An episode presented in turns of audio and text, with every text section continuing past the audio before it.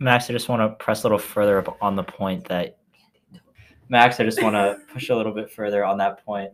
Wait, sure. Max, I just want to push a little bit further. Welcome back to Chapel Phil, the podcast for ethically minded UNC students sponsored by the Parr Center. My name is Andy. My name is Max. My name is Annette. My name is Samad. Today we'll be talking about UNC's COVID response. Last semester, we had 689 cases on campus locations, and this semester already, we've had 2,208 cases. Uh, returning back to UNC from winter break, uh, UNC took a more hands off approach this semester. They removed specific quarantine dorms, reduced testing, and countless other uh, more relaxed actions. With CDC's recommendation of only five days of isolation, followed by five days of mask wearing, is causing UNC students some problems with getting food and exposing their roommates. Uh, specifically, even though countless other universities went online for the first two weeks, UNC did not, and UNC did not mandate a vaccine either, although 94% of the population is vaccinated. Within the first week, the UNC positivity rate was above 30%, which is pretty pretty crazy. And even with these statistics, we're still in school and we're wondering is that due to Omicron being less lethal or what factors are really pushing that decision? Today, we're going to start with two different lenses of looking at this situation. One's going to be the collectivist lens that Annette will be looking through, and the other, the individualist with Max. We'll just go through some various topics, first starting with vaccine mandates, going to mode of instruction, and then finally quarantine and testing. So we're going to start with vaccine mandates, and uh, Annette's just going to explain a little bit about how she will be looking at this specific topic. Starting off with the collectivism theory, it basically looks at uh, groups of people or an organization in which the individual is seen as part of the group and part of a specific state, a nation, a race, or a social class, and is often um, contrasted with individualism, which puts the individual's rights um, at the forefront. The earliest expression of collectivist ideas can be seen in Jean Jacques Rousseau's um, The Social Contract, which argued that when an individual finds their true being and freedom, they would only find it in submission to the general will of the community. And another German philosopher, Hegel argued that the individual can realize their true being and freedom only in unqualified submission to the laws and institu- institutions of a nation state. This also is reflected in many Marxist and socialist and communist ideas, which is the idea that it's not the men's consciousness which determines their being, but instead the social being which affects their consciousness. Individualism, by contrast, puts the individual at the forefront of all decision making. Individualism recognizes that human beings themselves, independent rational actors, and that they know what's best for themselves. And thus, individualism stresses giving humans and individuals as much autonomy as possible. Individualism, uh, just like collectivism, has its roots uh, from hundreds of years ago. Um, and individualism is such a broad, nebulous topic that we could probably spend an entire episode on it. But I want to focus on a very narrow definition of individualism stressed by Waterman in a 1984 article. According to his ideas, individualism shares four features it's being true to oneself, it's freedom of choice within the constraints of the like freedom of others, it's personal responsibility, which acknowledges that having freedom means that you are a causally effective agent. The decisions that you make as a rational, independent actor can have effects on other people and also universality, which involves the respect for other individuals, because, according to individualism, they are also rational beings. What we're going to do now that we've gotten our out- outline of these different ethical theories from Annette and Max, thank you guys for that, by the way. It was wonderful. Um, is we're going to bully them a little bit. Me and Andy are going to be asking them questions and trying to like get their thoughts on different ideas surrounding your COVID response. So, my first question is from Max. You say that under this individualist theory, that people are rational actors. When it comes to something like the COVID vaccine, where people really don't have full information about the topic. Nobody, at least I don't, and the vast majority of people getting the vaccine and choosing not to get the vaccine have really no idea how it actually works. So, can we really say that anti vaxxers or people who don't want to get the vaccine are making a rational, informed decision? And should the university not be forcing them to do so? I think the issue of whether or not taking the vaccine is a rational question, it depends on what the it depends on an individual case. So, according to individualism, what's best for the individual is what's best. If someone has a reason to not get vaccinated, then according to the individualist perspective, they shouldn't get vaccinated. I think the university and in general the wider media space has made it has done a good job, I would argue, of encouraging people to get the vaccine. And I recognize that, you know, I myself am vaccinated. I don't exactly know what goes into mRNA technology, but I am, as an individual, I made the choice to get the vaccine because I believe it was the right decision for me. I don't need to have the full set of information. I don't need to know how vaccines are made. I don't need to make a vaccine in order to make the rational decision that it would be good for me. I think we should allow people to choose what they think is right for them based off of what they know is right for them. Max, I just want to push a little bit further on the point that you think that the media is doing a good job of representing all uh, the information. What would you say to individuals that are stuck in an echo chamber of sorts, and one where they're only receiving misinformation about this vaccine, one where they're encouraged not to get the vaccine and not getting all that information? Is it uh, the fault of the people providing that information? Is it should we be censoring them, or how do you think we should approach that situation? My advice to those people would be to escape I think it's this is an interesting and difficult question to answer. The powers of whether or not what we consider fact versus fiction, and the role that the government or some other institution can play in regulating what is right, what you're allowed to say, and what you're not allowed to say. I think we could again do another entire another episode on this topic. I think to answer the question, people have information.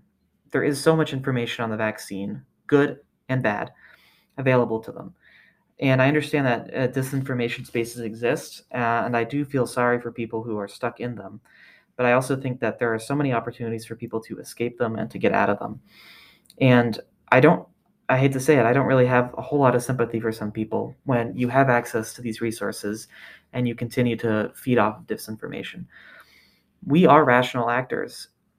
Maybe I'm idealistic, but I think people can tell what's fact from fiction. Maybe not the boomers, but I think us young people and people under the age of 60, I think we can tell what's suspicious on a website and what's not suspicious. And as rational actors, we need to decide what information we're going to consume and what information we're going to reject. Okay, so we're going to move on to Annette, give Max a little break for a little bit. Um, Annette, when looking at UNC specifically and the fact that the student body has a vaccination rate somewhere in the 90 95% range should it is it really the place of the university then under this collectivist lens to kind of overrule the remaining 5%'s autonomy are they doing that much damage to the rest of the collective that they need to be forced into getting the vaccine that's a really good point, Samad. Um, and to this, I just have to say that even though it would be just five or six percent that are not participating in like this university effort to minimize the uh, the spread of the virus by not contributing they're also kind of like not taking the vaccine ser- seriously and they're not taking public health seriously and a couple things to consider when we're looking at a vaccine mandate is are there any severe health consequences to not taking it and the possibility of this being true is actually quite um, high because as we have seen in the past, um, vaccines have prevented a variety of very dangerous illnesses from spreading. We also have to consider um, how exactly this mandate will change behavior. So, if by not having a mandate, we're essentially saying it's okay for students to not have a vaccine as long and be allowed to come to class, be allowed to engage with other people who have. But the goal of the university is to spread knowledge, and some of this knowledge would should be to know the benefits of taking a vaccine and um, making sure that all of their university students are safe, not just the ones that have taken the vaccine. Essentially, it's just a question of fairness because those who haven't taken the vaccine are putting the ones that have at risk. So now we're going to shift more into questions of how should classes be held. Um, so at the start of the semester, there was a big push from a lot of student organizations, including the Residence Hall Association, to move classes online for two weeks. Duke did it, Wake did it, a bunch of universities across the country did it. UNC did not mandate that classes be online. A lot of professors did choose to do so, but it was not mandated by the university. So um, this question is for both Annette and Max. Under your lens, should UNC have mandated classes be online for those first two weeks while everybody was coming back and there was a higher chance of people like spreading the virus around? So, speaking from a collectivist mindset, I think that what would benefit the whole would have been to go online for the first two weeks, um, just because we do know that we have thousands of out of state students and in state students that are coming from all regions of North Carolina, and of course, international students as well. And when you mix all of this, like, large groups of people from different places at the start of the semester you're going to have a lot of students interacting with other students from different places which will just cause the spread of covid if any single one person has it on the other hand if we did if we did choose to go online for the first couple of weeks, it would have slowed down the rate of the spread of COVID, which would have eventually allowed for um, once the number of um, cases had gone at, uh, had gone down, we would have had the opportunity to have in-person classes at smaller sizing, and then eventually um, go to our regular um, schedule with um, large lecture halls and anything that we anything else we might have had. But i think the key idea here is that the best thing to do would have been to have a slower progression in the way that we were opening up classes and opening up um, locations on campus just to limit the spread which would have benefited the whole from an individualist perspective universities should not have moved classes online and as, the, as a result, the university made the right decision to allow students flexibility. Uh, individualists believe, as I mentioned, in the rational actions of humans. Humans are rational actors, and humans know what's best for them. So the university mandating that we all go online, well, I'm sorry, online learning doesn't work for everybody. Online learning might not be the right style of learning for some people. And rather than the university mandating that we all go online or we all be in person, individuals should have the freedom to decide how they want to learn. So, by that same token, the university is since of uh, since two weeks ago has required that we return to in-person classes. I think from an individual's perspective, that's also a wrong decision. University should give students flexibility in how they want to attend classes. So, Max, uh, given that the university did let the professors choose their mode of instruction, that's still not allowing students to choose for themselves. The professors can very well say, "Hey, we're only going to meet virtually." Um, how an individualist look at that? Well, I think this is an interesting question, and I appreciate you bringing it up, Andy. I think individualism also recognizes that there are hierarchies in society, and so as much as we hate to admit it, professors have more of a hierarchy over their own students. So, professors, since they are being the ones offered that choice, can make the right choice. And it's up to students to follow the choice or to not follow the choice. There are consequences if students choose not to follow and don't go to class. The professors could fail them, and you know there are a host of other academic consequences as well. So I think in the end, as long as someone is being given the right to choose, the rights of some to choose is better than the rights of none to choose. I think that's a, a, a slogan by which individualists live by. So I would say that yeah, there isn't as much choice and flexibility if students are given that the ability to choose, but if someone is, and in this case professors, then that's better than than no one getting the choice at all. If you can see that there's a hierarchy, uh, wouldn't the university be above the professors, who consequently are above the students? As an institution, yes. As individuals, I, I don't think that university uh, bureaucrats or any any or university administrators or any uh, any more important than than professors and students. as, as independent rational actors. For sure, there exist hierarchies in society, and, and certainly university officials have more power over professors and students. All right, well, thanks for that. And the final topic for today's episode of Chapel Phil has to do with quarantine housing. Um, so, at the start of the semester, the university announced that they were no longer going to have the quarantine housing that had been in place for the last uh, roughly year and a half. This means that if you tested positive for COVID 19, you really didn't have any place to go. You could either go back to your room, and this is still true. You can either go back to your room and uh, potentially infect your roommate or your suite mates, or you can go home, something that's not possible for a lot of out of state students. And for those it is possible for, they're risking infecting their parents, their grandparents, and their siblings.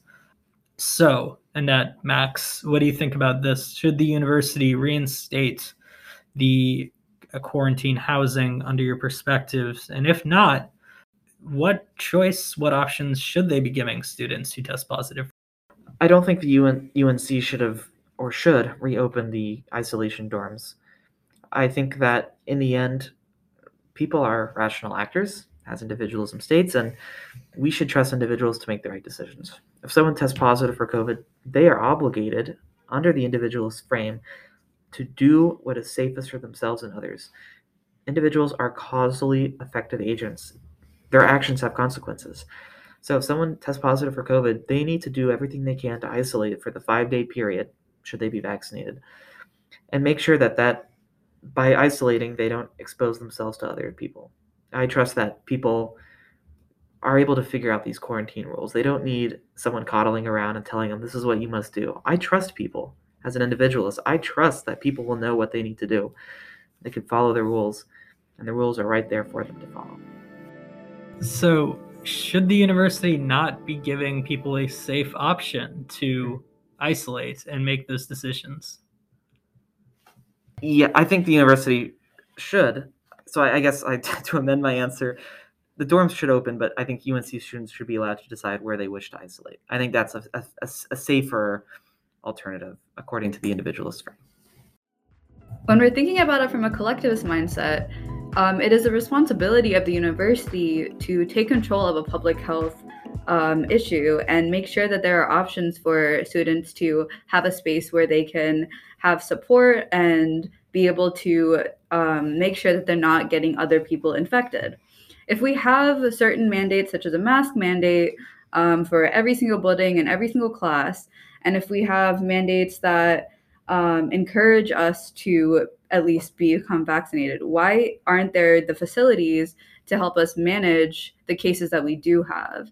By not having any isolation units, we're essentially saying to all students, even out of state students, they should go home and possibly get their family members, any other people they interact with at home, um, possibly infected, and which could actually be worse considering that their family members could be having um, more dangerous health con- considerations than most younger college students do have. So I think coming from a collectivist perspective that the remo- removal of the isolation dorms is possibly one of the worst decisions that the university could have made. I'm glad we found some middle ground on that. Uh, the fact that we do want these quarantine dorms to be open. Am I correct? Yeah. Okay. I'm glad we found some middle ground on both sides. We want the quarantine dorms to be open. Uh, but I'd like to ter- shift our discussion a little bit more towards testing. Um, we did have mandatory testing, although whether or not students complied with that was a different issue. Uh, but now, if you are vaccinated, you don't need to test at all. Uh, what are your guys' views on testing as a whole? So, as amazing as vaccination is, um, one thing is that with new variants, it's a lot harder to discern whether the vaccine is working and if someone does or does not even have um, COVID.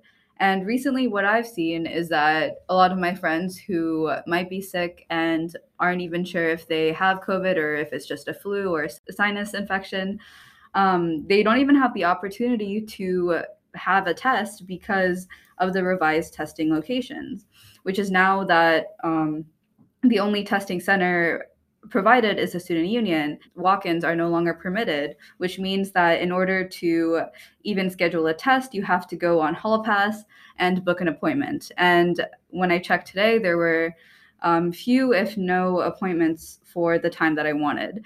So, compared to the previous semesters where we had multiple locations and walk in testing available for most of the day, currently we only have very few options and very few appointments minimal, if no, testing available for people that are off campus or even just further away from campus. Testing should be left to the individual to decide what they wish to do. I don't think I think with vaccine with the vaccine, students are much more likely to know if they are ill because they're going to be experiencing breakout breakthrough infections, which in which they'll show symptoms of maybe flu or colds, and in reality it's COVID. So I think if people feel sick, they should get tested, and I think the testing option should be available to those who want it or would need it. I don't think I don't think the university should require students to test anymore now that we have the vaccine. And I think actually by the university encouraging the vaccine uh, as a way to get out of the testing requirement last semester, that was a good strategy. Obviously, from an individual's perspective, having anything mandatory is, is automatically treated with suspicion, but I thought the university was clever in that they said, if you want to get test, if you want to get out of that re- testing requirement last semester, last year, last semester, get the vaccine. I think that was a successful strategy, and I think having those carrot and stick approaches is is a good way to use individualism uh, and collectivism and fuse them together to get things done. So today, what we've talked about collectivism versus individualism we've agreed that the university needs to reopen the isolation housing, although we'll see if that happens in the remaining seven weeks of the semester. That testing, while maybe not needing to be mandatory, should be open and available for everyone.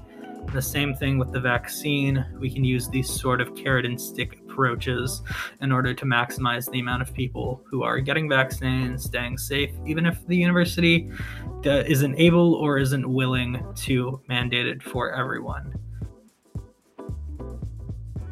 So, this has been Chapel Phil, the UNC podcast for ethically curious students. Um, as always, we'd like to thank the Parr Center for sponsoring today's episode. You can check us out on Instagram. Um, keep an eye out for a couple of other episodes. We're going to have one coming up real soon about the mental health crisis on campus and ways that we can approach that. Um, so keep an eye out for that. Thank you for listening.